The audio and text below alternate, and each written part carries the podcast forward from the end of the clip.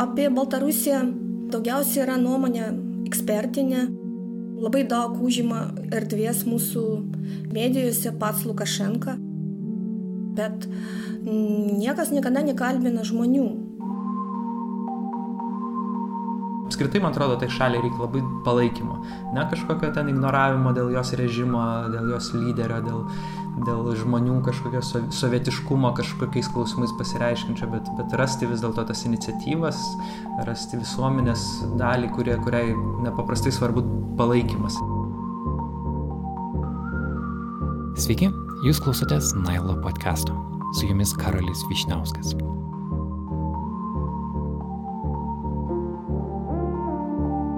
Šiandien mes kalbėsime apie valstybę, kuri yra labai arti mūsų geografiškai, bet gali atrodyti labai toli emociškai.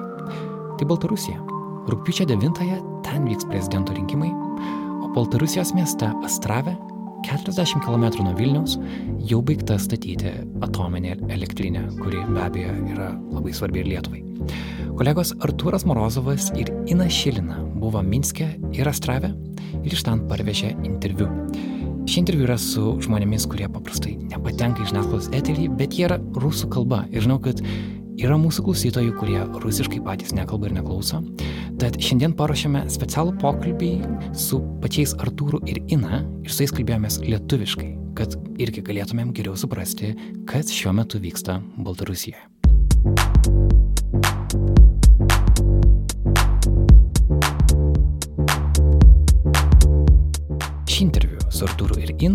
Ves pasilgtas podcastų balsas Karolis Pilypas Liutkevičius ir jis yra čia studijoje kartu. Labas, Karoli. Labas visiems. Karoli, prieš klausantis tavo interviu su Artūru ir Ina, manau, svarbu klausytojams suteikti kontekstą, ką reikia apie Baltarusiją žinoti šiuo metu, 2020 vasarą. Kaip žinia, Lukašenka ten yra prezidentas jau 26 metus. Taip. Bet vis dėlto visą laiką rinkimuose yra opozicija, didesnė ar mažesnė.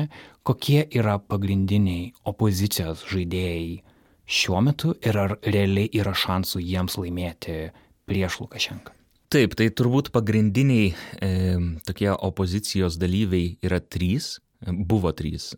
Pirmas yra toks Viktoras Babariko, Jisai yra kadaise buvęs Belgazprom banko galva.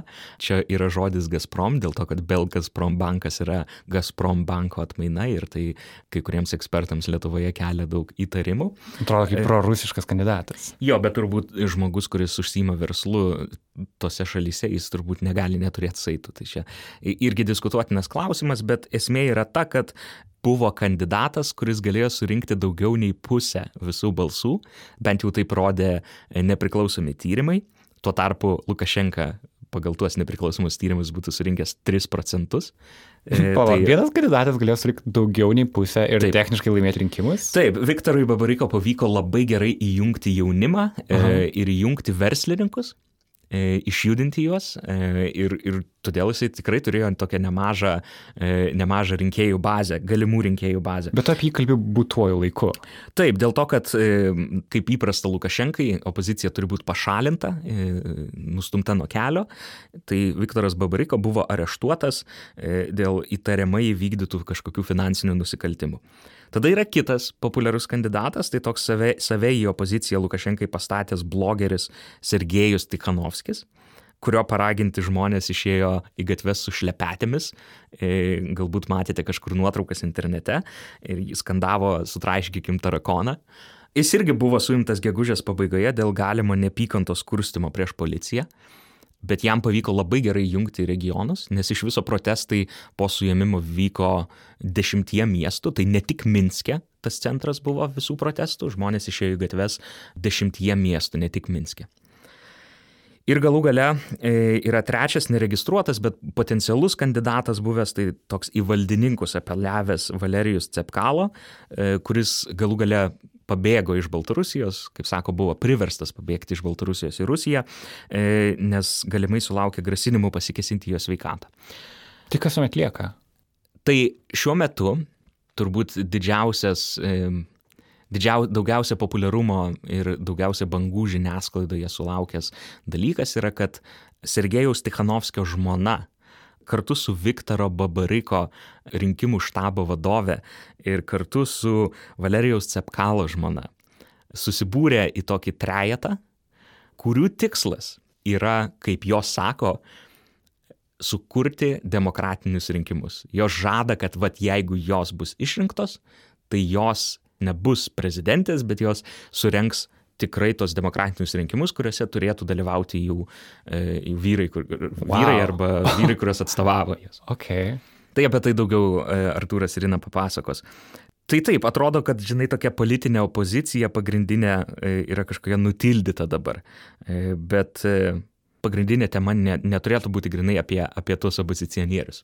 Be abejo, nes, na, Baltarusija matyti tik per Lukašenkos prizmę irgi yra pakankamai siauras, uh, siauras kampas, bet kalbant apie protestus, reikia suprasti, kad tai, kad dešimtyje miestų žmonės išėjo protestuoti, tai nėra, kas vyksta Baltarusijoje kasdien. Kad tie protestai, kurie bu, yra prieš šiuos rinkimus, jie yra didžiausi, turbūt kokius matė šitą kartą žmonių? Tikrai, tikrai taip, dėl to, kad Taip, visuomet prieš Lukašenkos rinkimus.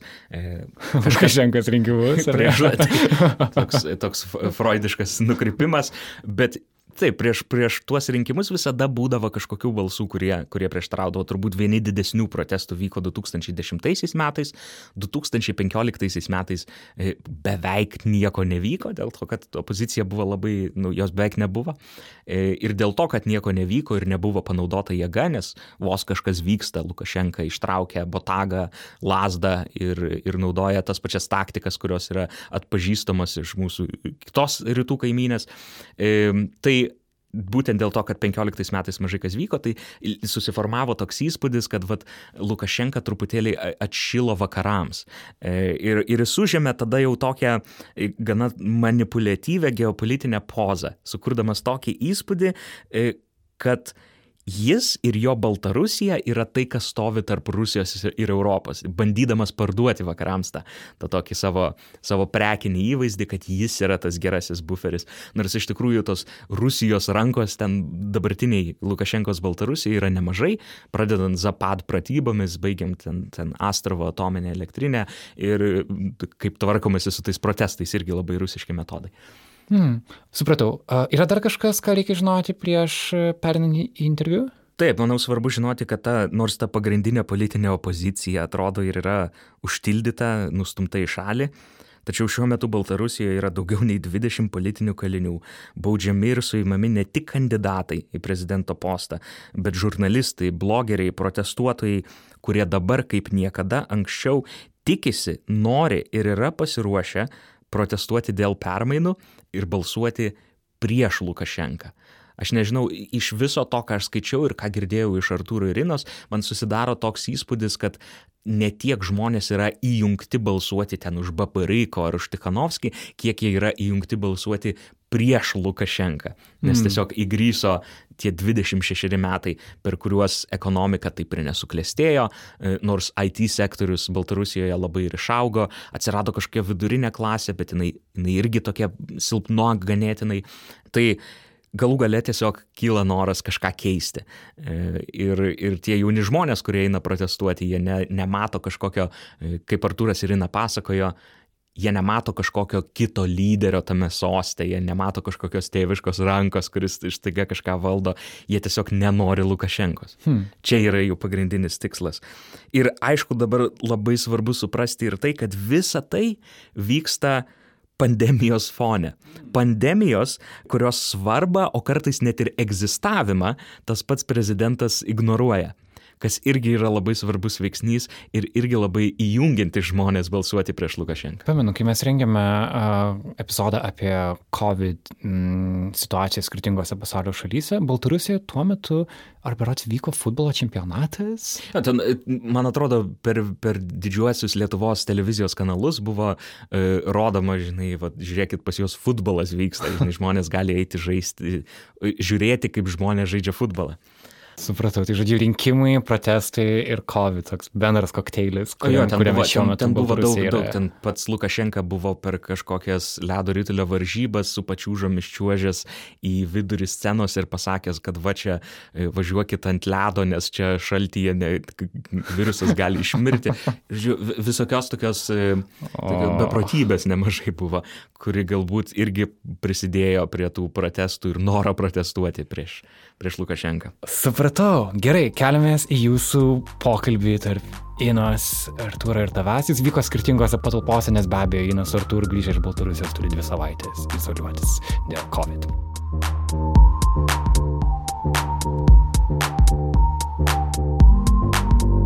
Labas Artūrai, labas Ina. Labas. Suprantu, kad, kad dabar esate izolacijoje, greičiausiai kalbate iš savo namų, bet kaip, kaip jaučiatės? Sveikas, Karoli, labas, Ina. Tikrai ir tiek Ina matau, tiek aš esam namuose. Grįžus iš Baltarusijos reikėjo savizoliuotis, tai ką, kelionė buvo įdomi, kažkiek įtempta gal, bet dabar tas laikas vienumoj, savizolacijoje labai geras, geras metas apmastyti, suguldyti visus įspūdžius. Nežinau kaip Inai. Nu, tas intensyvumas, o paskui izolacija, tai man tai buvo per didelis kontrastas. Tai aš jau svajoju, kada tai pasibaigs viskas. Aš labai džiaugiuosi, kad šiaip jums pavyko ten nuvykti, nes šiuo metu žiniasklaidoje yra labai mažai informacijos apie tai, kas dedasi Baltarusijoje ir turbūt viena iš didelių priežasčių, kodėl tos informacijos yra mažai, yra ta, kad ten nusigauti žurnalistiniais tikslais ir dirbti tokį darbą yra gana sudėtinga.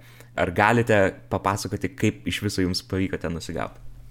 Iš tikrųjų, man, man atrodo, apskritai vakariečiui žurnalistui e, dirbti Baltarusijoje nėra lengva. E, nesutikčiau gal, kad patikslinčiau tiksliau tą, tą faktą, kad informacijos žiniasklaidoje mažai, sakyčiau, gal anglakalbė ir lietuviškai žiniasklaidai tikrai nėra daug informacijos. Tačiau, sakykime, portalai rašantis rusų kalba, rusų kaip Medūza, e, kaip Radio Svoboda tikrai, tikrai labai daug ir operatyviai pateikia naujienas, įvykius iš Baltarusijos kalba analitikai, kalbinami žmonės. Tai mūsų tas noras ir buvo turbūt truputį atneš daugiau tų žinių į Lietuvą, patiems susipažinti su situacija. Kitas dalykas, kaip teisingai paminėjai, tai yra žurnalistam iš užsienio atvykti į Baltarusiją yra sunku. Kiek teko girdėti iš kolegų, nesuteikiamos žurnalistinės vizos niekam, taip pat dėl tokių paprastų dalykų, kaip nėra nei autobusų, nei traukinių dėl karantino situacijos, dėl pandemijos tiksliau grėsmės iš Vilniaus. Tad, tad jo, mums padėjo Lietuvos ambasada Minske ten atvykti.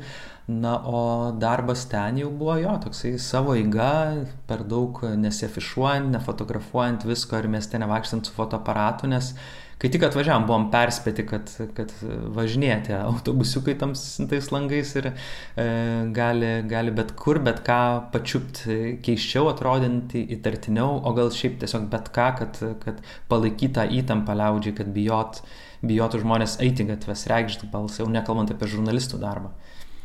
Vakar montuojau naują epizodą su jaunimu iš Oktябrskąją gatvę, tokia gatvė, kur renkasi jaunimas.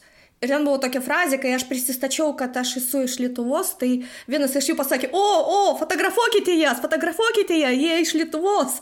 Tai jiems buvo neįprasta matyti a, žmonių iš kitos valstybės, o dar ir žurnalistų. Jiems iš vis neįprasta buvo, kad aš, jas kažkas kalbina kaip aš supratau iš to pokalbių ir kitų, tai mm, toks nedažnas atvejas jų gyvenime, kad kažkas jas kalbina ir išklausė jų nuomonę. Kartais reikėjo labai tiksliai vertinti situaciją tam, kad ištraukti rekorderį.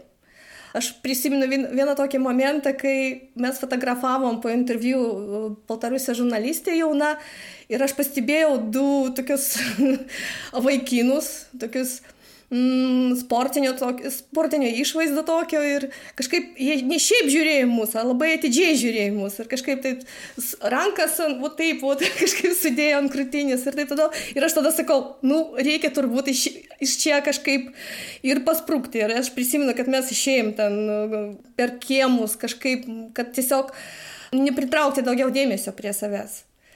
Na, tai manau, kad čia viena iš priežasčių, kodėl žinai, su užsienio žiniasklaidai sunku ten dirbti to, tokiamis sąlygomis. Truputėlį, aišku, tai nupeš, nupaišo ir tokią atmosferą Minske, bet aš norėčiau, kad jūs daugiau truputėlį papasakotumėte, kaip tie žmonės ten jaučiasi, kokia yra atmosfera, ne tik kaip jūs jautėtės, bet ir kas jūs paskatino ten važiuoti. Kas šiuo metu Baltarusijoje yra išskirtinio palyginus e, su kitais protestais, kad e, kilo reikalas ten važiuoti?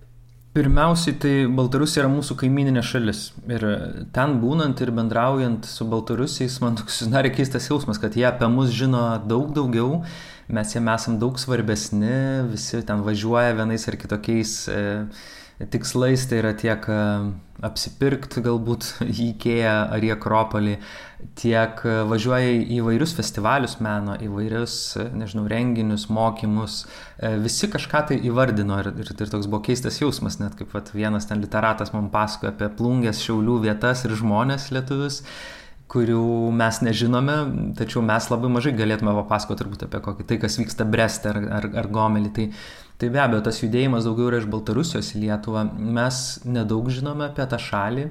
Nors aš atsimenu, kai važiavau vieną kartą iš Minsko penktadienio popietę į Vilnių ir buvo visiškai pilnas autobusas e, baltarusių jaunimo, kuris kalbėjo apie Vilniaus klubus, apie kablį, apie opimą, apie ten grosiančius didžėjus, kas kur gyvena. Aš supratau, kad tai jiem tas sėdimas į traukinį ir išvažiavimas visiškai tokį gal kitą, laisvesnį tokį pasaulį yra labai įprastas jau.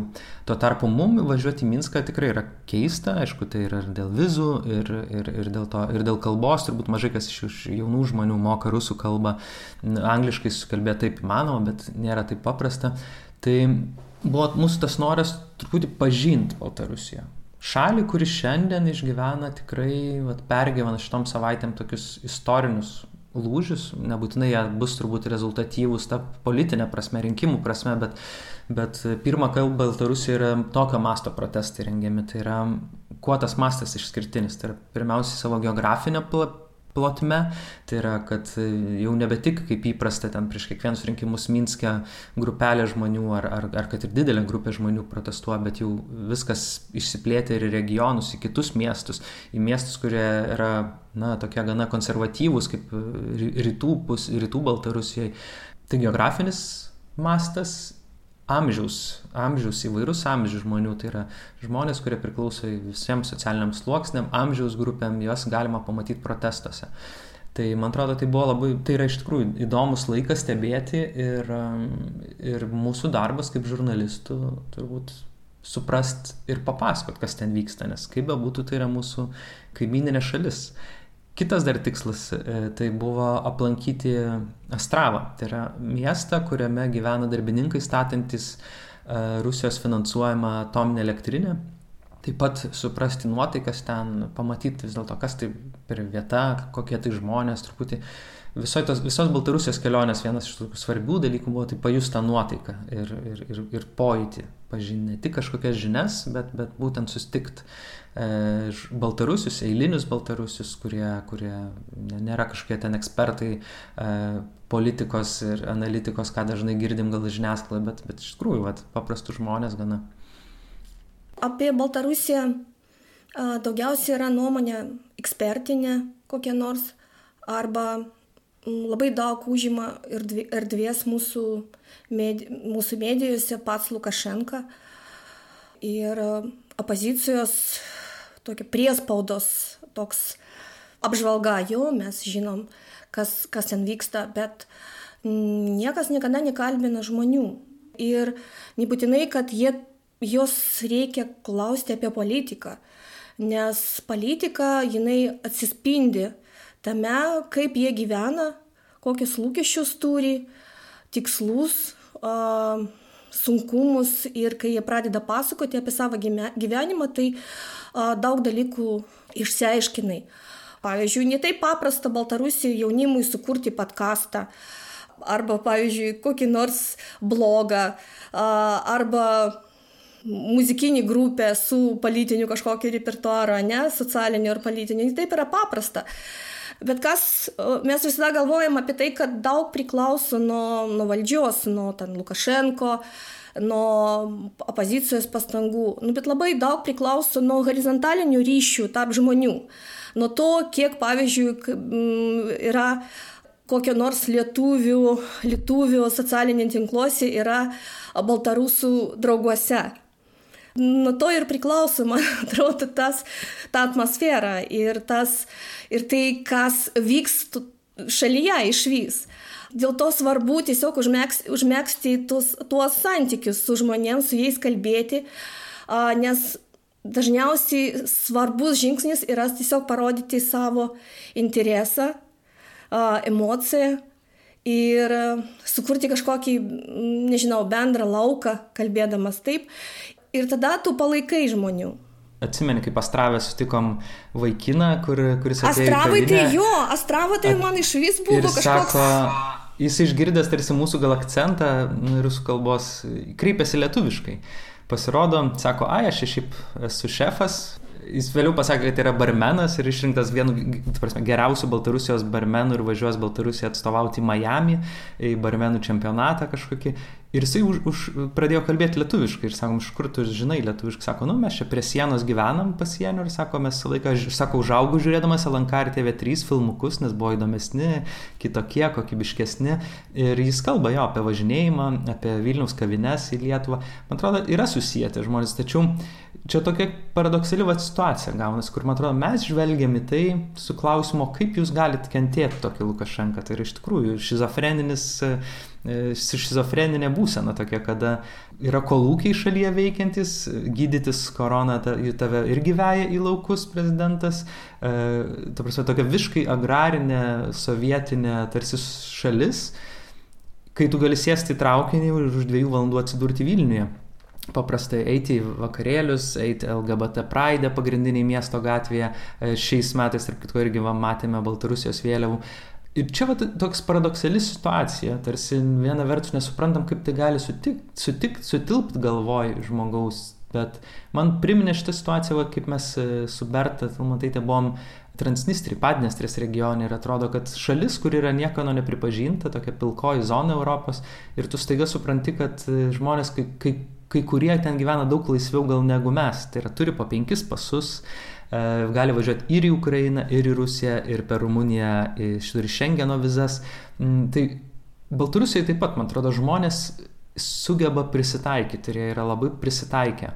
Ir, ir galėjo taip pat vat, važiuoti į Vilnių apsipirkti ir jų, jų ta tokia jų ta buvimas, būtis, kasdienybė nėra vien uždaryta Baltarusijoje.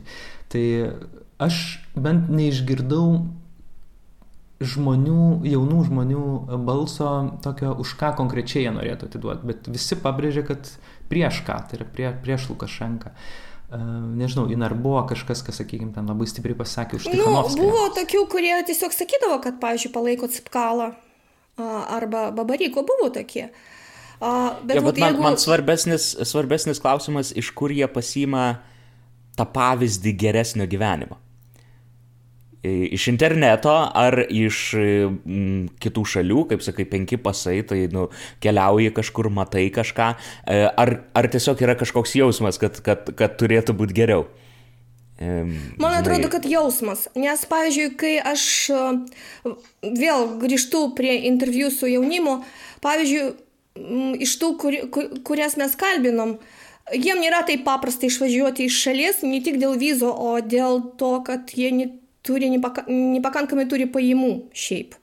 Ir kai aš paklausiau, kokį, kokius jie turi planus, pavyzdžiui, ar likti Baltarusijoje, arba išvažiuoti kur nors dirbti, mokytis ir taip toliau. Ir beveik visi pasako, kad gal ir norėtų, bet tai labai sunku ir brangu. Man atrodo, kad tą pavyzdį, apie kurį kalbėjo dabar Artūras, tai man atrodo Baltarusija labiau izoliuota. Ir tas izoliavimas, jisgi nebūtinai mm, per sienas, jisgi ir galvoj, galvo, galvoje yra tas izoliavimas.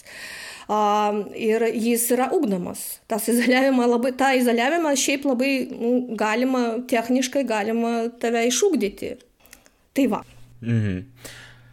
Čia dar truputėlį grįžtant trumpam, Artūrai paminėjai tokį žodį, kad, kad žmonės prisitaiko. Man atrodo, kad tas kad žodis prisitaikymas jis irgi tokį, tokį žinai, kažkokį sėslumą reiškia ir ypač, ypač lietuviam, žinai, kurie, kurie sakydavo, kad va, tas, kuris prisitaiko prie Sovietų sąjungos, tai jis nenori kaip tik pokyčių ar iš tikrųjų žmonės ten taip prisitaiko, jeigu jie tiek protestuoti eina.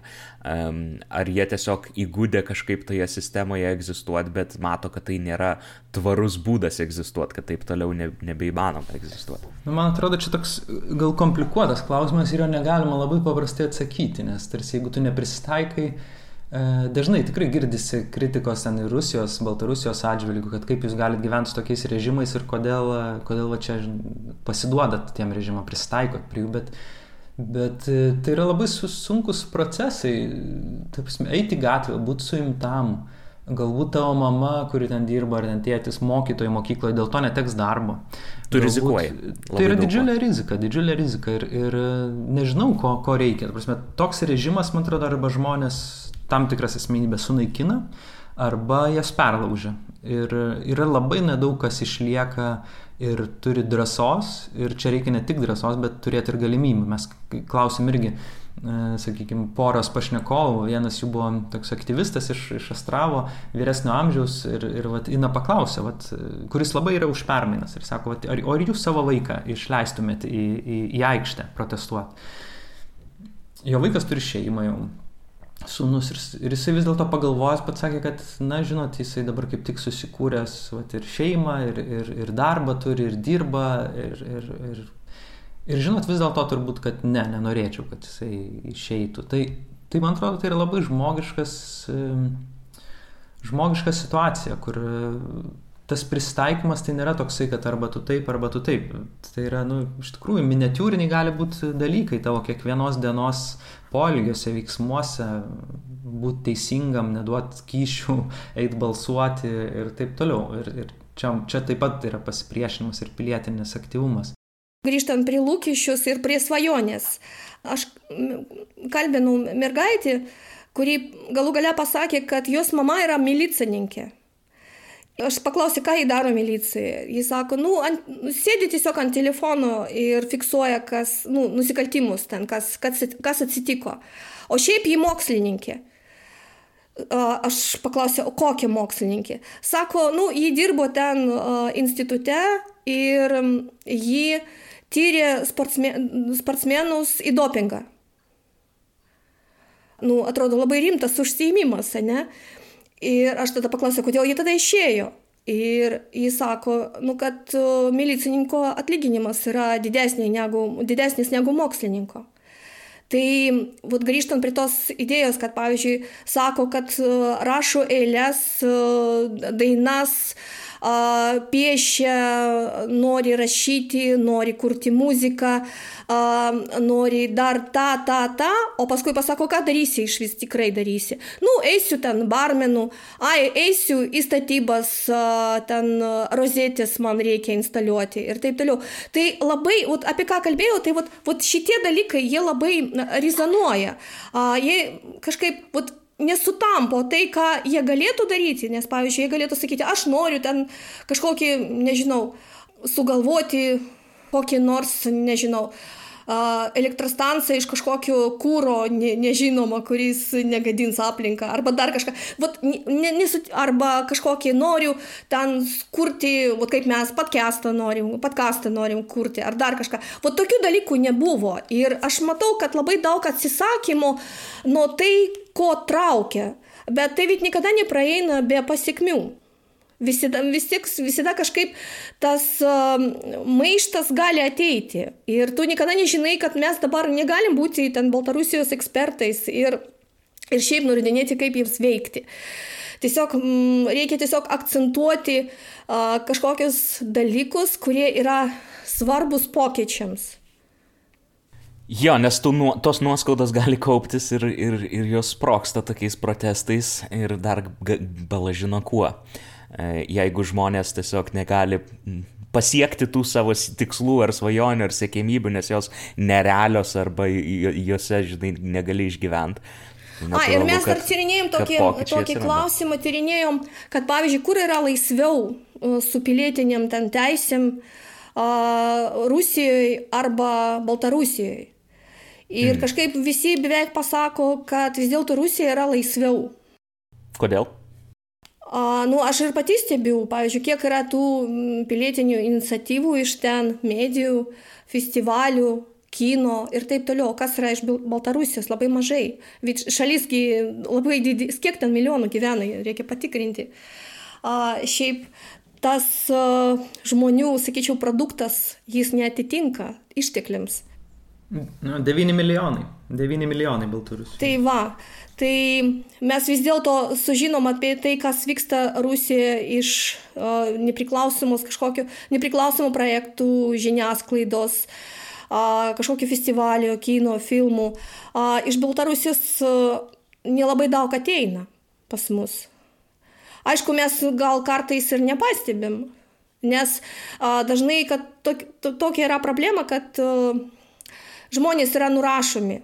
Tiesiog, ai, ten Baltarusija, ten Lukašenka, ten diktatūra, ai, ten Rusija, ten Putinas, ai, ten, ten dar kažkas. Ir mes kažkaip nurašom ten žmonių kartu su, su juo ten tų vadovų, kaip, kaip sakyčiau, ja.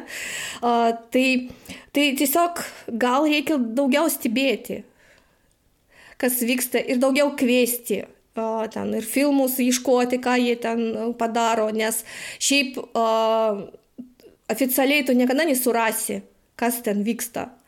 O, nu, vat, klausimas yra, o kaip stebėti? Jeigu siūlymas yra stebėti, kaip tu gali stebėti, kaip tu gali rasti, žinai, kažkokį ryšį su kultūriniu Baltarusijos tai pasauliu? Tai, vat, iš sakau, Lietuvos. Vienintelis būdas per žmonės.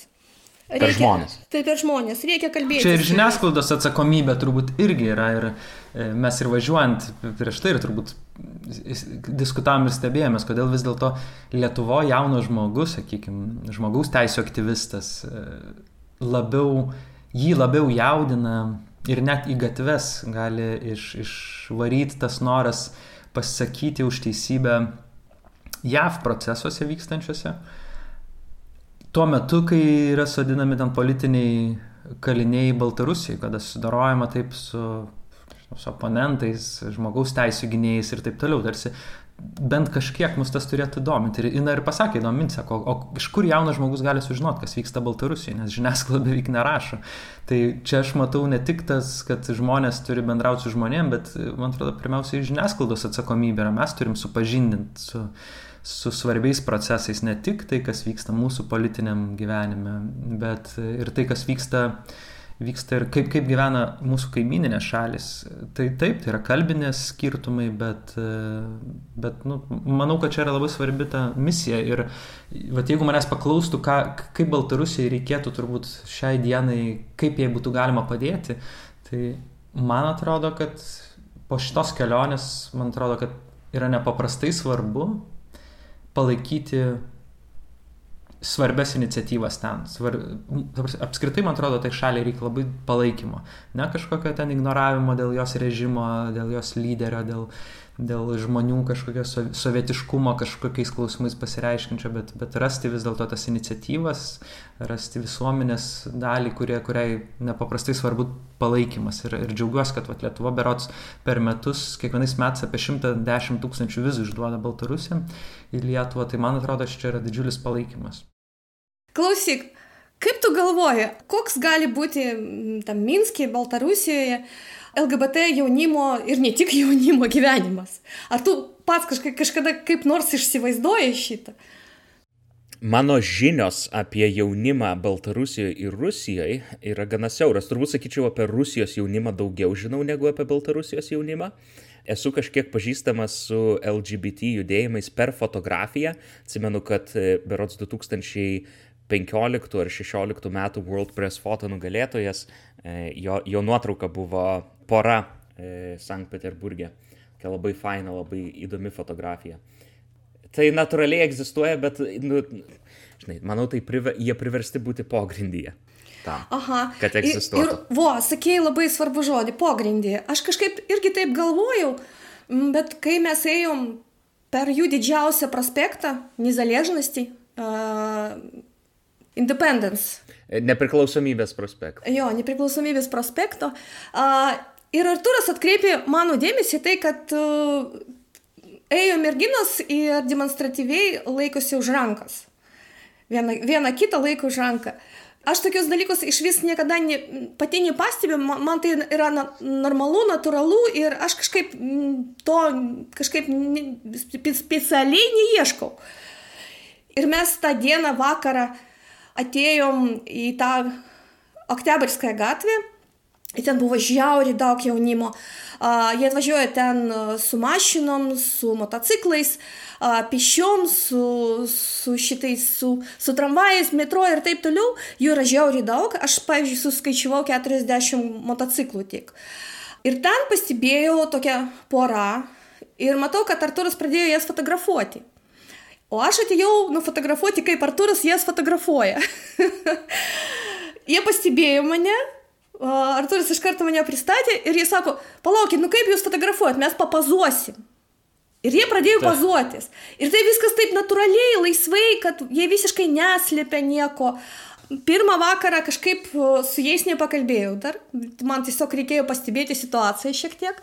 O paskui mes vėl atėjom, aš pakalbinau ten kitą, kitą jaunimą ir matau, jie vėl sėdi ten. Ir aš prie, prie jų ateinu ir galvoju, nu kaip man taip a, paklausti, kad ir neįžeisti ir taip toliau. Ir aš tada sakau, klausykit, nu, mes jau viską aptarėm su jaunimu, bet neaptarėm tik LGBT klausimus. O, ura, ura, mes nu, norim kalbėti šitą temą. Nu ir ką, nu, jie sprendžia tą, nu, tą patį problemą, ten, pavyzdžiui, kaip šeimoji. Vienas pasakė, kad, pavyzdžiui, mama priimė ir viskas yra gerai. A, kit, kitas sako, kad, pavyzdžiui, mama manęs neatsisako, nu mes apie tai nekalbam visiškai. Niekada mhm. nekalbam. A, paskui, kaip einate gatvėmis, taip, kad visiškai nesislėpėte. A, tai sako, ir ištraukė iš kišenį dujinį balonėlį. Tai sako, šis šią savaitę man teko jį panaudoti keturis kartus. Tai va, tai kaip mokykloje. Tai jeigu teko panaudoti keturis kartus, tai nereiškia, kad tai yra taip paprasta ir taip lengva, kaip jie parodo, kad taip yra. Jo. Kas yra labai įdomu, tai parodo, kad labai, labai daug drąsos tame yra. E, labai tokio noro, noro egzistuoti taip, kaip jie turėtų egzistuoti. Ne? Jo, tai vat, buvo tai, tai labai svarbus dalykas buvo, mes kalbėjome vos septynios minutės, jau buvo labai vėlų. Ir kas dar buvo svarbu, svarbu tai jis, aš paklausiu, ar eisite į, į protestą. Pavyzdžiui, rinkimus 9 į protestą, jeigu jūsų baltas, balsas nebus išklausytas. Tai vienas sako, kad eisiu, eisiu į tą Maidaną, kaip jis sako. Aš eisiu, aš sakau, bet tu nukentėsi galbūt. Tai ir ką, nu, tak vis tiek reikia tų pokyčių. Nenori gyventi nu, tokioje šalyje, kaip dabar yra. Jo draugas sako, kad neįs. O ten buvo šalia jų draugė, Elizaveta, kuri sako, iš karto sako, ne, ne, ne, aš ne, niekaip nesusijęs su LGBT. Čia ir kitoks dalykas buvo parodantis. A, bet jis sako, kad savo draugą atkalbinėjo, atkalbinėjo eiti. Sako, kad, pavyzdžiui, jeigu jį sučiups, jis labai, labai ten nukentės. Ir aš suprantu, kad nukentės gali nukentėti daugiau negu, negu kiti. Aš paklausiau, kaip yra, kokia yra oficiali pozicija. Oficiali pozicija tai aišku Lukašenkos pozicija. Tai jis sako, kad dėl lesbiečių tai jis nepergyvena, merginoms tai yra gal ir natūralu. O berniukams tai jis niekada neleis. Tik tiek gal ir norėjau pasakyti. Labai įdomu. E, ir kartu duoda labai daug vilties, kad, kad žmonės net tokiamis sąlygomis sugeba tiek drąsos savyje atrasti. Jie žiauriai gražiai atrodo. Taip buvo gražu jas fotografuoti ir, na, nu, aišku, paklausim, kur jis tas drabužės, drabužės e, suranda, tai sako, kad, e, aišku, second handuose ir šiaip jie neturi tiek pajamų, kad pirkti iš, butik, iš butikų. Dar kalbėjome apie tai, kad, pavyzdžiui, tas kolekcijas, kurias atveža į Minską, į Baltarusiją, jie skyrė, skyrėsi nuo europietiškų pagal jų. Sako, kad jie priskyrimi ne Europai, o Azijai. Ir dėl to skiriasi tas dizainas, drabužių dizainas ir jiems netinka tas dizainas, kuris, kuri, drabužiai, kurie, kuris parduodamas. Tai va, tai žiauriai gražiai atrodo, nerealiai. Tai va. Jo, ten toks yra gyvenimas. Pavyzdžiui, kai dabar ta toks mažas toks dalykas, kurį nepaminėjau, kad pavyzdžiui mes atėjom į, a, į trienalį. Ten aš nieko nekalbinam, mūsų tiesiog pakvietė apžiūrėti parodą, čia buvo nacionalinė premija. Ir nu, dabar gal nekalbėsiu apie tas kūrinius, nes čia ilgas pokalbis, bet pavyzdžiui, pačioj parodoj, ten buvo nu, kažkiek 3-4 salės, ten buvo penki milicininkai. Tu matei nors vieną milicininką pas mus, kai ŠMC arba NDG arba dar kur nors. tai irgi parodantis dalykas. Kad... Galima pagalvoti, kad čia irgi instaliacija. Jo, čia yra instaliacija. Aš norėjau jas fotografuoti, bet mane, ten, kur, tai sakyčiau, kūruojantis žmogus, vietinis žmogus, sako, jokių būdų nefotografuok. Tai aš tiesiog dariau selfie tam, kad tiesiog jie patektų į kadrą. Sako, tai pas mus draudžiama, draudžiama fotografuoti milicininkus. tai, nu vis tiek aš porą nufotografavau. Bet žinai, kas, vat, svarbiausias, gal paskutinis dalykas, kadangi jau daug jau tos medžiagos, a, ten mes, kai jau palikom, ne, ten buvo du dvi, sakyčiau, mm, instaliacija ir vienas kūrinys. Viena instaliacija tokia labai įdomi, kad, žinai, Babariko, kuris dabar areštuotas, Taip. jis uh, supirkinėjo Baltarusi, Baltarusijos menininkų darbus, pavyzdžiui, Šagalo. Ir kada jis buvo areštuotas, paveikslus irgi konfiskavo tiesiog nuėmė nuo sienų ir kažkur, kažkur išvežė iš, iš galerijos. Tai dabar ten ant sienų yra barkodai ir metrikos. Tai čia tokia, nu, išėjo tokia instaliacija natūraliai, tokia politinė. Jie dar nepagalvojo, man atrodo, jie nepagalvojo, kokią nerealią instaliaciją jie padarė. O kitas dalykas yra, kai mes jau palikom tą galeriją ir man pateko į rankas katalogas tos uh, parodos. Ir ten buvo vienas eksponatas, kurį nemačiau parodoj. O ten buvo milicininko Amono tas kakšyt, uh, kaip vadinasi. Skydas. Skydas. Ir ten buvo kolekcija skydo su tokiu... Mm, jis sukūrė dizainą. Dizainas skydams, amonininkų skydams.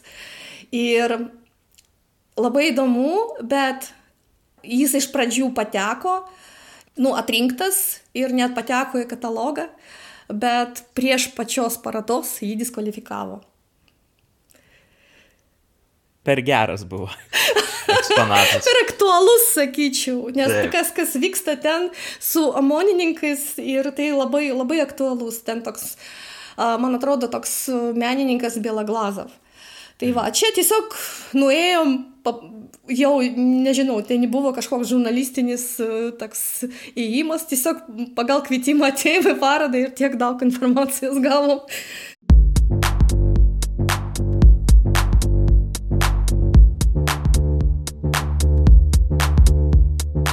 Su Minsko dalimi čia ir sustokim, o prieš perinant į Artūro ir Inos kelionę į Astravą, Noriu padėkoti mūsų klausytojams, kurie palaiko Nailo podcastą per Patreon platformą. Svarbu suprasti, kad šį žurnalistinį darbą mes darome savo norų, savo jėgomis ir savo finansais. Tad jeigu norite prie jo prisidėti, patreon.com slash nanukmultimedia tai yra geriausias būdas tai padaryti ir toliau e, skatinti mus dirbti prie naujų žurnalistinių medžiagų. Ką tik prie mūsų bendruomenės prisijungė Virgilijus Pajaujas. Sveiki atvykę, ačiū už pristatymą, o mūsų kasmėnesiniai 100 dolerių patronai yra organizacija Blossom Wood Foundation. Ačiū ir jiems. O dabar keliaujame į Astravą. Karali, Astravas Lietuvoje asocijuojasi su Astravo elektrinė. Elektrinė yra jau baigta statyti, bet ji dar nėra paleista. Bet planuojama, kad ji bus greitų laikų.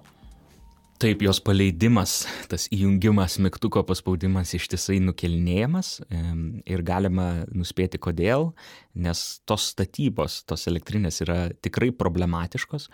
Lietuvos užsienio reikalų ministerija skelbia, kad jie turi e, duomenis apie šešis tokius rimtesnius incidentus E, statybų aikštelėje.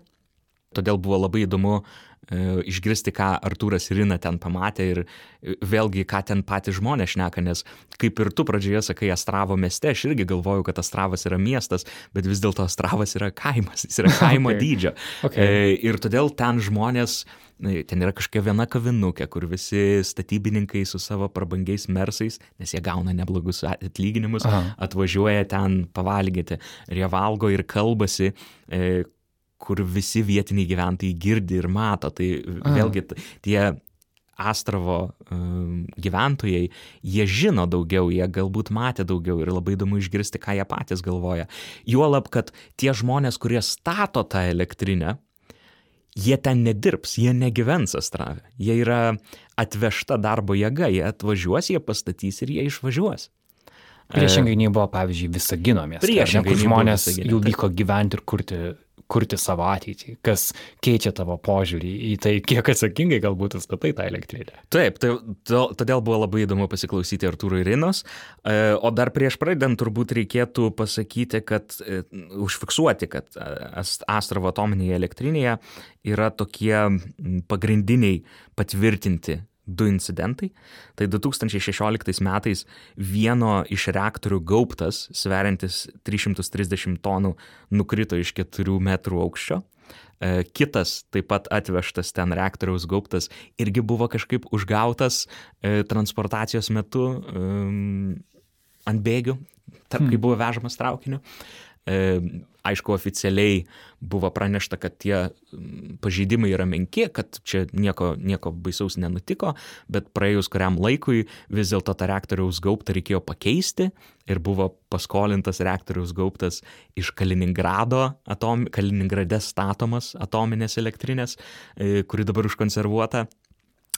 E, tada vasario 17 dieną Baltarusijos žiniasklaida išplatino oficialų pranešimą, čia 2018 metais, kad elektrinėje įsiplėskė gaisras, testuojant reaktoriaus saugumo sistemas. Ir oficialiais duomenimis sakoma, kad sudegė tik vienas toks laikinai ten prijungtas jėgos maitinimo kabelis. E, bet patys žmonės ir liudininkai pasakojo apie kur kas didesnį gaisrą e, vienoje iš tų elektros skydinių, kurio metu sudegė labai daug brangios technikos. Apie tai kažkiek Artūras ir Ina irgi sužinojo, būdami Astrave. Tai kiek mums būnant čia Vilniuje reikia jaudintis? Aš nežinau, bet žinau, kad Artūras pasakė, jog jis jam neramiau po šios kelionės. Uh, na, nežinau, ar buvo galima tikėtis kažko kito iš ties, bet taip, um, Artūras Morozovas, Ina Šilina, jie buvo Astrave ir čia yra jų pasakojimas iš ten. Žinai, važiavimus traukiniu. Aš, pavyzdžiui, nemačiau nei vieno grybautojo ir ragautojo. A, tiesiog, kai važiuoja pas mus traukiniu kokį iš ten a, marcinkonį, tą pusę, Taip. tai tų grybautojų, gautojų yra, jie kalbasi tarpusavį garsiai per visą vagoną, vagoną ir, o ten labai viskas tyliai visi labai tyliai kalba, nėra tokio kažkokio bendrų, bendrų kalbų tarp nepažįstamų žmonių, kad jie ten aptarinėjo, ar yra grybai ar nėra. Ten tiesiog grybautojų kažkaip nebuvo. Ir galvo, mačiau, per, per langą stebėjau, ar pavyzdžiui, iš kitų vagonų, nors vienas grybautojas išėjo. Tai, tai to, tokio nebuvo. Buvo šiek tiek sujudėjimas tik tada, kai atėjo tas a, var, kas vargonininkas, Arturai, kaip jis vadinasi? Akordionistas. Atėjo akordionistas pianistas, kuris e, groja kiekvienam vagonė stoja ir po dainą pagroja. Ir jis užgroja liūdną dainą iš pradžių įėjęs į vagoną. Ir tada moteris sėdėjus sako, klausykit, ir taip liūdna, gal galit ką nors linksmesnę. Ir sakė, žinoma, ir tada, jo, ta, kad užkūrė visiškai vakarėlį vagonę. O pati kelionė labai pigi. Arturai, kiek kainavo 3 valandos, daugiau net 3 valandų kelionė? Apie eurą. Apie eurą, jo. Tai čia kaip e, į Klaipidą nuvažiuoti už eurą maždaug. Na, aišku, traukinys irgi kitoks negu važiuoti klaipėdą. Bet... nu jo, nu, galima pakintėti. De, tai tiesiog man labai įdomu, kokia atmosfera yra tame mieste, nes e, e, realiai iš Lietuvo žiniasklaidos perspektyvos tu apie Stravą žinai tik matydamas ten tuos tokius priartintus iš tolo tuos kaminus Astravo, arba matai jinai vieną ar kitą politinę partiją išreiškiant kažkokį nepasitenkinimą, kad, kad, jo, ten kad elektrinė ten pastatyta. Aš tau pasakysiu. Taip, o pasirodo, ten taip, gyvena žmonės, ar ne? Tai vad kaip jie gyvena, koks, kok, ar jie džiaugiasi, kad ta elektrinė atsirado, nes, nes potencialiai atsiranda darbo. Koks yra ryšys su ta darbo jėga, nu, su tuo dideliu kiekiu žmonių, kuris atvažiavo statyti tą elektrinę ir kuris išvažiuos. Kaip tai keičia miestą? Šiaip sako, kad e, miestas pradėjo klistėti, tai yra geras dalykas. E, bet šiaip, kada jie pastatys, visi tie statybininkai išvažiuos. Ir jis vėl susitrauks šiaip. Ir tada ir mažiau paslaugų reikės, ir mažiau daug, nebent reikia pritraukti žmonių, kurie ten šiaip ten, nežinau, atvažiuos su šeimom ir apsigyvens. Bet čia vienas dalykas, bet šiaip, a, nežinau, ar čia buvo dėl to, kad buvo blogas oras, kai mes atvažiavom, bet jis buvo labai toks, a, a, labai buvo žmonių mažai gatvėse, labai buvo toks tylus. Ir nepastebėjau, kad, kad, pavyzdžiui, mes buvom kalveliuose. Čia iš kitos pusės, iš Lietuvos pusės, miestelis prie Baltarusijos sienos, šalia Astravos. Ir mes, kai ten buvom, ten labai daug žmonių išeidavo sportuoti. Ten jie ten turi to, tokį savo uh, stadioną ir ten vyksta visas socialinis gyvenimas aplink tą stadioną ir mokyklą. O ten nepastebėjau, kad kažkas sportuotų, pavyzdžiui. Žmonės, kurie vaikšto gatvėmis, jie visi man panašus į kažkokius karininkus ir saugumiečius, kurie tiesiog persirengė į civilinės drabužės. Jo, net Ir visi tokie nekalbus. Pavyzdžiui, aš e, net pabandžiau užkalbinti žmogų, kuris e, žvijodavo ten, ten tokia turi meilės sala, ar kaip ten, ten turi. Vadinasi, meilės sala. Aha. Jo, tokia graži vietelė ir ten yra tų a, žviejų. Ir net toks pokalbis, kuris visada vyksta sklandžiai, pokalbis apie tai, kaip ar e, lovit rybką ar net. Uh, A, tai visada sklandžiai vyksta, o ten kažkaip iš karto toks įtartinis, įtartinas toks žvilgsnis, kas čia tokia, kodėl jinai klausė, ar yra žuvies ar ne. ja, iš tikrųjų, ta, atvykus pirmą dieną Stravas pasirodė labai niurus ir toksai grubus labai, iš tikrųjų daugybė kažkokių ten sėdinčių vyrų ir į tave nukreiptų iš po kepurės. E, snapelio kažkokių žvilgsnių tokių ruščių su įtarumu. E, tikrai pasirodė taip nejaukiai.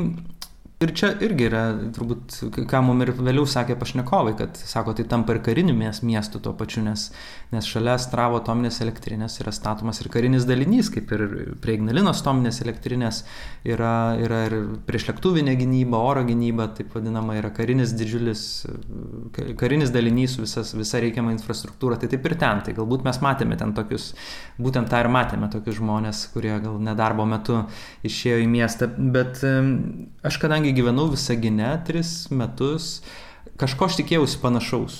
Tokio Visaginas, toks sovietinis, galbūt akademinis elitas atvykęs, pasistatęs, statęs savo miestą, statęs ir darbovietę, kurioje dirbs, tai yra atominė elektrinė, statęs su didžiulė atsakomybė, e, nes žinojo, kad šalia jos reikės gyventi, jos jo šeimom, žmogaus šeimom, kuris stato, e, reikės kiekvieną dieną eiti darbą ten.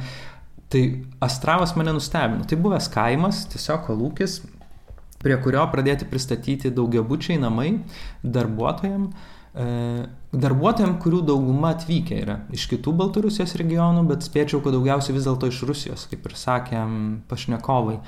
Ir e, čia vat svarbus ir niuansas toksai, kad žmogus turbūt, kada daro darbą, jį padaro ir jis išvyksta ir niekada to darbo daugiau nepamatys, turbūt ir nereikalauja iš savęs tokios atsakomybės prieš savo veiksmus. Ir, ir kalbinti pašnekovim taip pat, kai mes paklausėme apie tos incidentus, kuriuos mes žinom ir sakė, na, žino, tai taip yra, bet sako, kaip čia vienas statybininkas, sako, tas pašnekovas cituoja, jis sako, nu, jum čia reiks gyventi, mes pastatom ir išvažiuojam. Tai yra atvažiavęs žmonių kiekis didžiulis, gaunantis nerealius atlyginimus, ten kur prie, prie va, tokio miestelio mažos kavinukės atvažiuoja su visiškai nauju Mercedesu ir išlipa su prabangiais drabužiais nusipirkti kavos, kur visai šalia matai ten tas medinės tvoras kažkokias ar ten vištas vaikščiančias po kiemą. Tai rodo didelius pokyčius ir bent man po tų pusantros dienos praleistos Astrave ir kalbant su žmonėm dėl tos atominės elektrinės kilo dar didesnis nerimas. Nes o mes... tie patys žmonės, ar tie patys žmonės Astravo gyventojai, ar jie jaučia nerimą dėl, dėl tos elektrinės? Ar yra kažkokia nežinomybė dėl jo? Žinai, ten kažkoks mistinis dalykas labiau. Man atrodo, jis paremtas kažkokiu, nes, pavyzdžiui, aš kai aš paklausiu aktyvistų, kuris um, tokia turi poziciją prieš Astravos, apie tai, apie tas uh, baimės, tai jis kažkaip paremė kažkokį mistiniais pasakojimais. O ne tai, kad, pavyzdžiui, ten tas, tas ir anas, kad kažkaip paremtos kažkokią informaciją. Arba net su jaunimu kalbėjom Minskė apie, nes ten vienas iš jų buvo energetika baigęs. Ir jis Aha. šiaip labai gražiai papasakojo apie tai, kodėl nereikalinga ta atominė stancija. Todėl, kad jinai grinai tik tam, kad parduoti energiją. O kam parduoti, čia dar klausimas, ne? A, tai jis labai aiškiai ten viską paaiškino, kad kaip, kaip mm, sudaryta visa sistema perdavimo energijos perdavimo, tai iš Astravos kaip ir nereikia Baltarusijai tos energijos. Ir ką jis sako apie tai, kodėl jis nenori. Todėl, kad, pavyzdžiui, nėra ne vienos atominės stoties, kurie, kurioje nebuvo avarijos. A, kažkaip nepastebėjau, kad jie gali punktais pasakyti, kodėl yra blogai. Vot yra kažkokie labai arba bendri, arba mistiniai. Nes Arturas, gal tu prisimeni geriau tą, tą istoriją apie mistinę, apie Astravą. Na, na jo, mes, mes, mes iš pradžių kalbinom vieną vaikiną, vat, būtent apie, apie baimę dėl atsirandančios atominės elektrinės. Ir, vat, nes čia Baltarusijos, dideli Baltarusijos plotai nukentėjo nuo Černobilio e, Taip. avarijos. 86 metais Ir to vaikino atsakymas buvo, kad vat, tai, jeigu įvyko tai Černobilį, tai, tai, tai reiškia, tai nebepasikartos, nes žmonės mokosi ir, ir vis technologijos modernėja, žmonės įgauna naujos patirties per tokias avarijas ir vat, vat čia mes turėsim tą saugį. Ir mes kada paklausėm, uh, to prieš Astravo atominę elektrinę pasisakančio aktyvisto ir šiaip politinio aktyvisto, e, jisai sakė, jisai, jo, sako, sako, žinot, sako, aš kažkaip tikiu ir tokiais mistiniam galiam, kur sako, pirmoji pasaulio atominė elektrinė, atominė avarija įvyko e, JAV, Three Mile Island, tai yra trijų mylių saloje.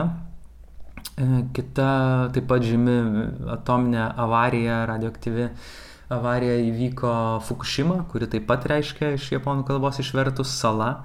Na, sako, kaip jau Astravą išvers, sako, man turbūt nereikia sakyti. Kas rusiškai nekalba, Astravas, Ostrav reiškia sala. Tai sako, taip pat, čia turbūt gali būti visko, gali būti.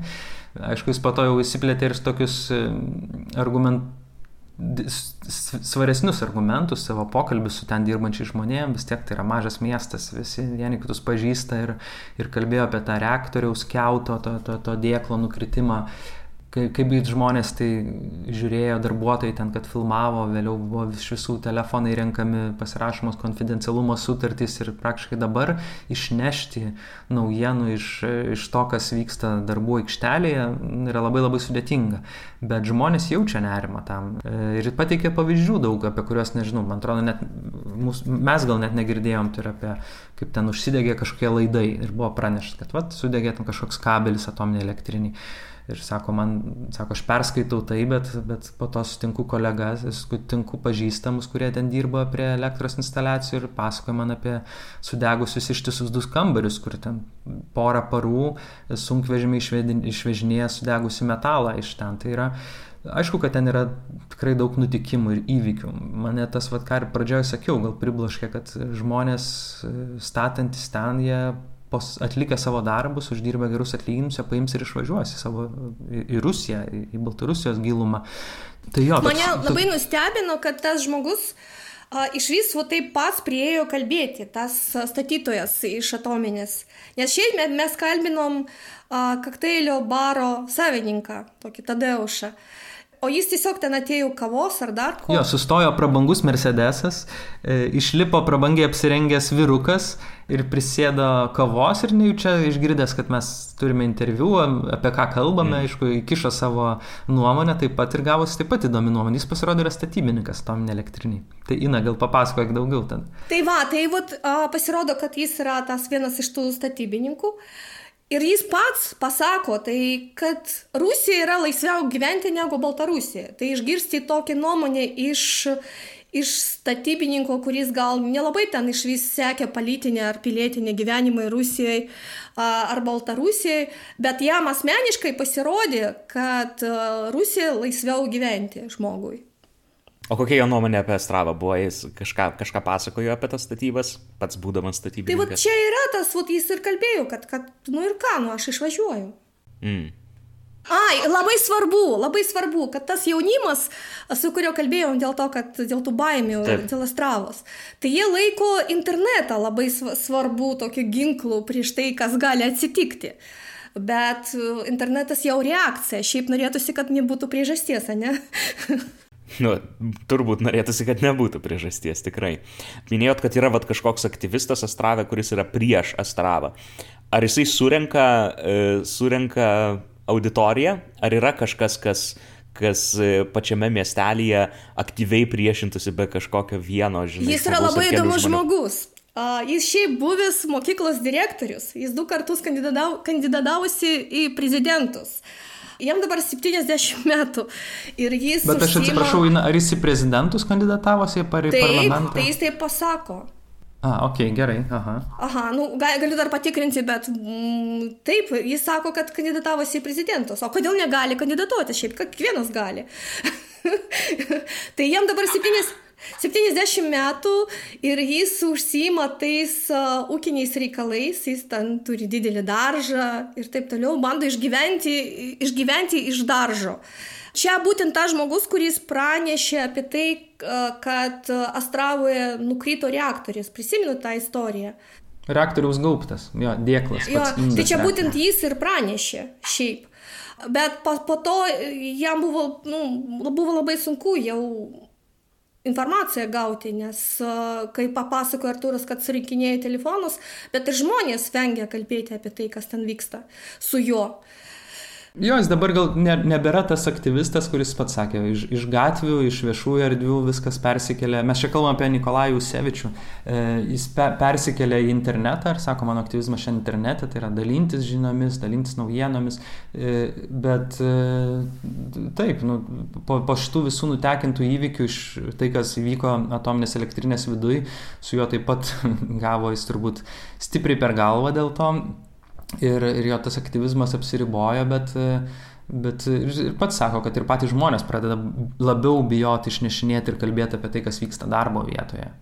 Aš, aš suprantu, kad įsivaizduoju, jeigu tu turi gerą darbą dirbti Astrovo statybinėje aikštelėje ir yra tokios sąlygos, kad tave gali išspirti vienu žodžiu, tai jeigu tu kažką nutekinsi ar, ar iš savo telefono pasidalinsi kažkokią video medžiagą, jau nekalbant apie visas kažkokias įbauginimo taktikas, tai įsivaizduoju, kad sunku iš ten kažkokią informaciją išgauti. O, žinai, Mūsų... žinai dar detalė tokia įdomi, nes, pavyzdžiui, ten yra a, dvi pagrindinis viešbutis uh, Astravoje. Vieno vadinasi Pekinas, oi ne Pekinas, kaip vadinasi, Sanra. Ilika. San kažkoks. San Hotel. San A, Hotel. San Hotel, Sanra jau. Sanra, Pekin. Pekin tai yra Minskė, Pekinas. A, tai vad San, o mes gyvenom Vaivorykštėje. Uh, tai va, tai, m, tai pavyzdžiui, visi tie statybininkai, kurie atvažiuoja iš Rusijos, jie apsigyvena uh, toj San, viešbutėje San. Ir ten šiaip labai brangu. O pavyzdžiui, mes tai atvažiavom ir apsigyvenom Vaivorykštėje. Vaivorykštėje. Taip, taip, taip. Tai ir iš karto parodo, kad va, tas va, skirtumas tų pajamų ir galimybių, kas kur apsistoja. Šiaip Raduga man labiau patiko negu, negu San, San paskui užėjom. Uh, bet ir, ir įdomus buvo vaizdas už langų, ten buvo toks uh, katalikinis toks, katalikinė bažnyčia, o tiesiai prieš bažnyčios buvo um, žaidimo automatų Vegas uh, salonas, va iš vis vienas į kitą žiūri, va taip, labai įdomiai ten. Ten, nu, ten, mm. aišku, yra Lenino paminklas, uh, į toks nenuprekintas, nes, pavyzdžiui, jeigu tai yra Minskė, vienas tok, toks Lenin, Lenino galva stovi Oktiabarska, jinai tokia nuprekinta, tokia, nu, taip, ji, ji visiškai nu, kaip stiliaus atrodo. elementas, kaip stiliaus jo, jo, jo. nostalgija paduodamo, ten jis stovi rimtai. Ir e, man Astravekas dar įsiminė, kad tai iš tikrųjų yra miestas, kur vat, minėtas Inos viešbutis San, pastatytas turkų, e, kuriame atvažiavo daugiausiai ten statytojai ir kažkokie kiti ekspertai iš, iš, iš Rusijos, Baltarusijos, iš užsienio galbūt. E, ir šalia ten yra baras, alaus baras, kuriame pagrindinę sieną puošia LDK laikų scena Tai yra raiteliai jojantis į, į, į mūšį. Ant kiekvieno stalo yra padėtas žodynas baltarusių, svarbiausių frazių, kaip ir rusiškai žodžiai turėtų arba frazės skambėti baltarusiškai. Ir jo, jaučiasi labai toksai baltarusiškas toks baltarusinis, baltarusiškas Pradas. tautinis, kultūrinis toksai stilius. Ir vėliavos, jo, tu pasakyti dėl vėliavų. Jo, vėliavos baltarusijos iškos tos tokios istorinės, tai yra baltas su raudonu.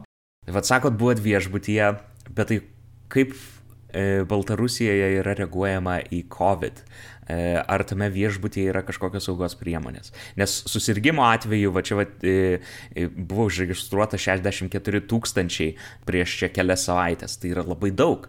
Ar, ar, ar reikia kaukės dėvėti galų gale? Sakėt, kad tie, su kuriais kalbėjot, nedėvėjo tų kaukių. Rastravė buvo į tai reaguojama, vėlgi tai yra kažkokia darbo jėga, kuri atvežta, ar bandoma ją apsaugoti.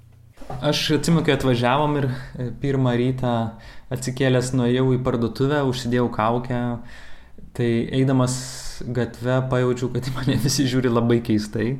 Tai maždaug taip keistai, kaip karantino metu Lietuvoje būčiau ėjęs be kaukės gatve. Ir žmonės taip kažkaip iškart tarsi jį užsikrėtusi žiūrėjo. Tai e, kaukę pamatyti Baltarusijoje yra reta. Yra žmonių, kurie vaikšto, kurie saugosi, nebejoju. Mm, dezinfekcinių skyščių yra panašiai kaip ir Lietuvoje, daug kur užėjus, bet ne, ne, neteko matyti, kad žmonės taip daug naudotųsi tuo kaip čia. Aišku, didelė dalis žmonių tiesiog, ypač vyresnių, tiesiog neina iš namų, nes nepasitikė situaciją, e, saugosi, būdami viduj, bet e, daugumoje tarsi jokio karantino nėra, jokios pandemijos nėra ir, ir, ir žmonės tiesiog ir eina. Aš, aš per šitas dienas per penkias dienas Baltarusijoje dezinfekcinio skyščio išnaudojau tiek, kiek per visą karantiną Lietuvoje neišnaudojau. tai yra viską purškino tos lėtinės, nes iš tikrųjų toks vaizdas, kad ten nėra tos pandemijos.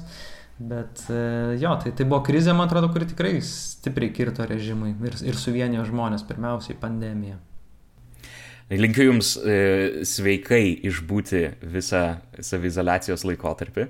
E, kuris turbūt bus darbingas ir norėjau paklausti, koks, koks turinys laukia mūsų e, klausytojų, e, mūsų auditorijos iš šios jūsų kelionės, ką jūs planuojate paruošti. Mes pristatysime penkias tinklalaidės. Pirmoji išėjo jau pirmadienį, pokalbis su žmogaus teisų aktyvistu, kuris papasakoja e, apie žmonės, kurie protestuoja, apie kurias išėjo gatves, kod, kaip yra rinkim, rinkimai klastojami, kodėl ta sistema yra suteikia galimybę klastoti rezultatus. Ir dar išeis keturi, tai bus ir su jaunimu, apie Stravą, su galerijos savininkais, su vienu įdomiu literatu. Bus tikrai įdomus turinio, kiekvieną tinklalaidę lydės mano nuotraukos. Tai jo, tiek turbūt. Supratau. Ačiū Jums labai, ačiū Artūrai, ačiū Ina už pokalbį ir linkiu geros dienos. Tai ačiū tau. Jo, dėkui.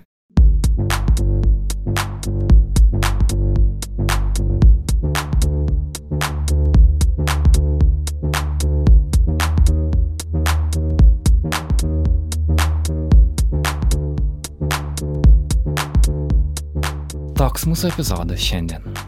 Karoli, ačiū tau už interviu ir už prisijungimą čia studijoje su papildomu kontekstu.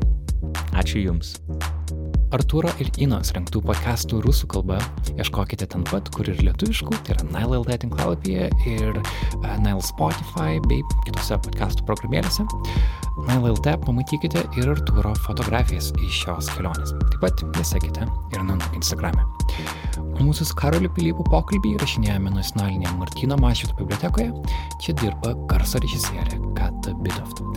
Mūsų podcast'o muzikos autorius yra Martinas Gailius. Dar kartą primenu, kad palaikymą mūsų žurnalistikai galite išreikšti nuėję į patreon.com slash nanuk multimedia ir ten prisidedami jums aktualią, jums tinkamą sumą.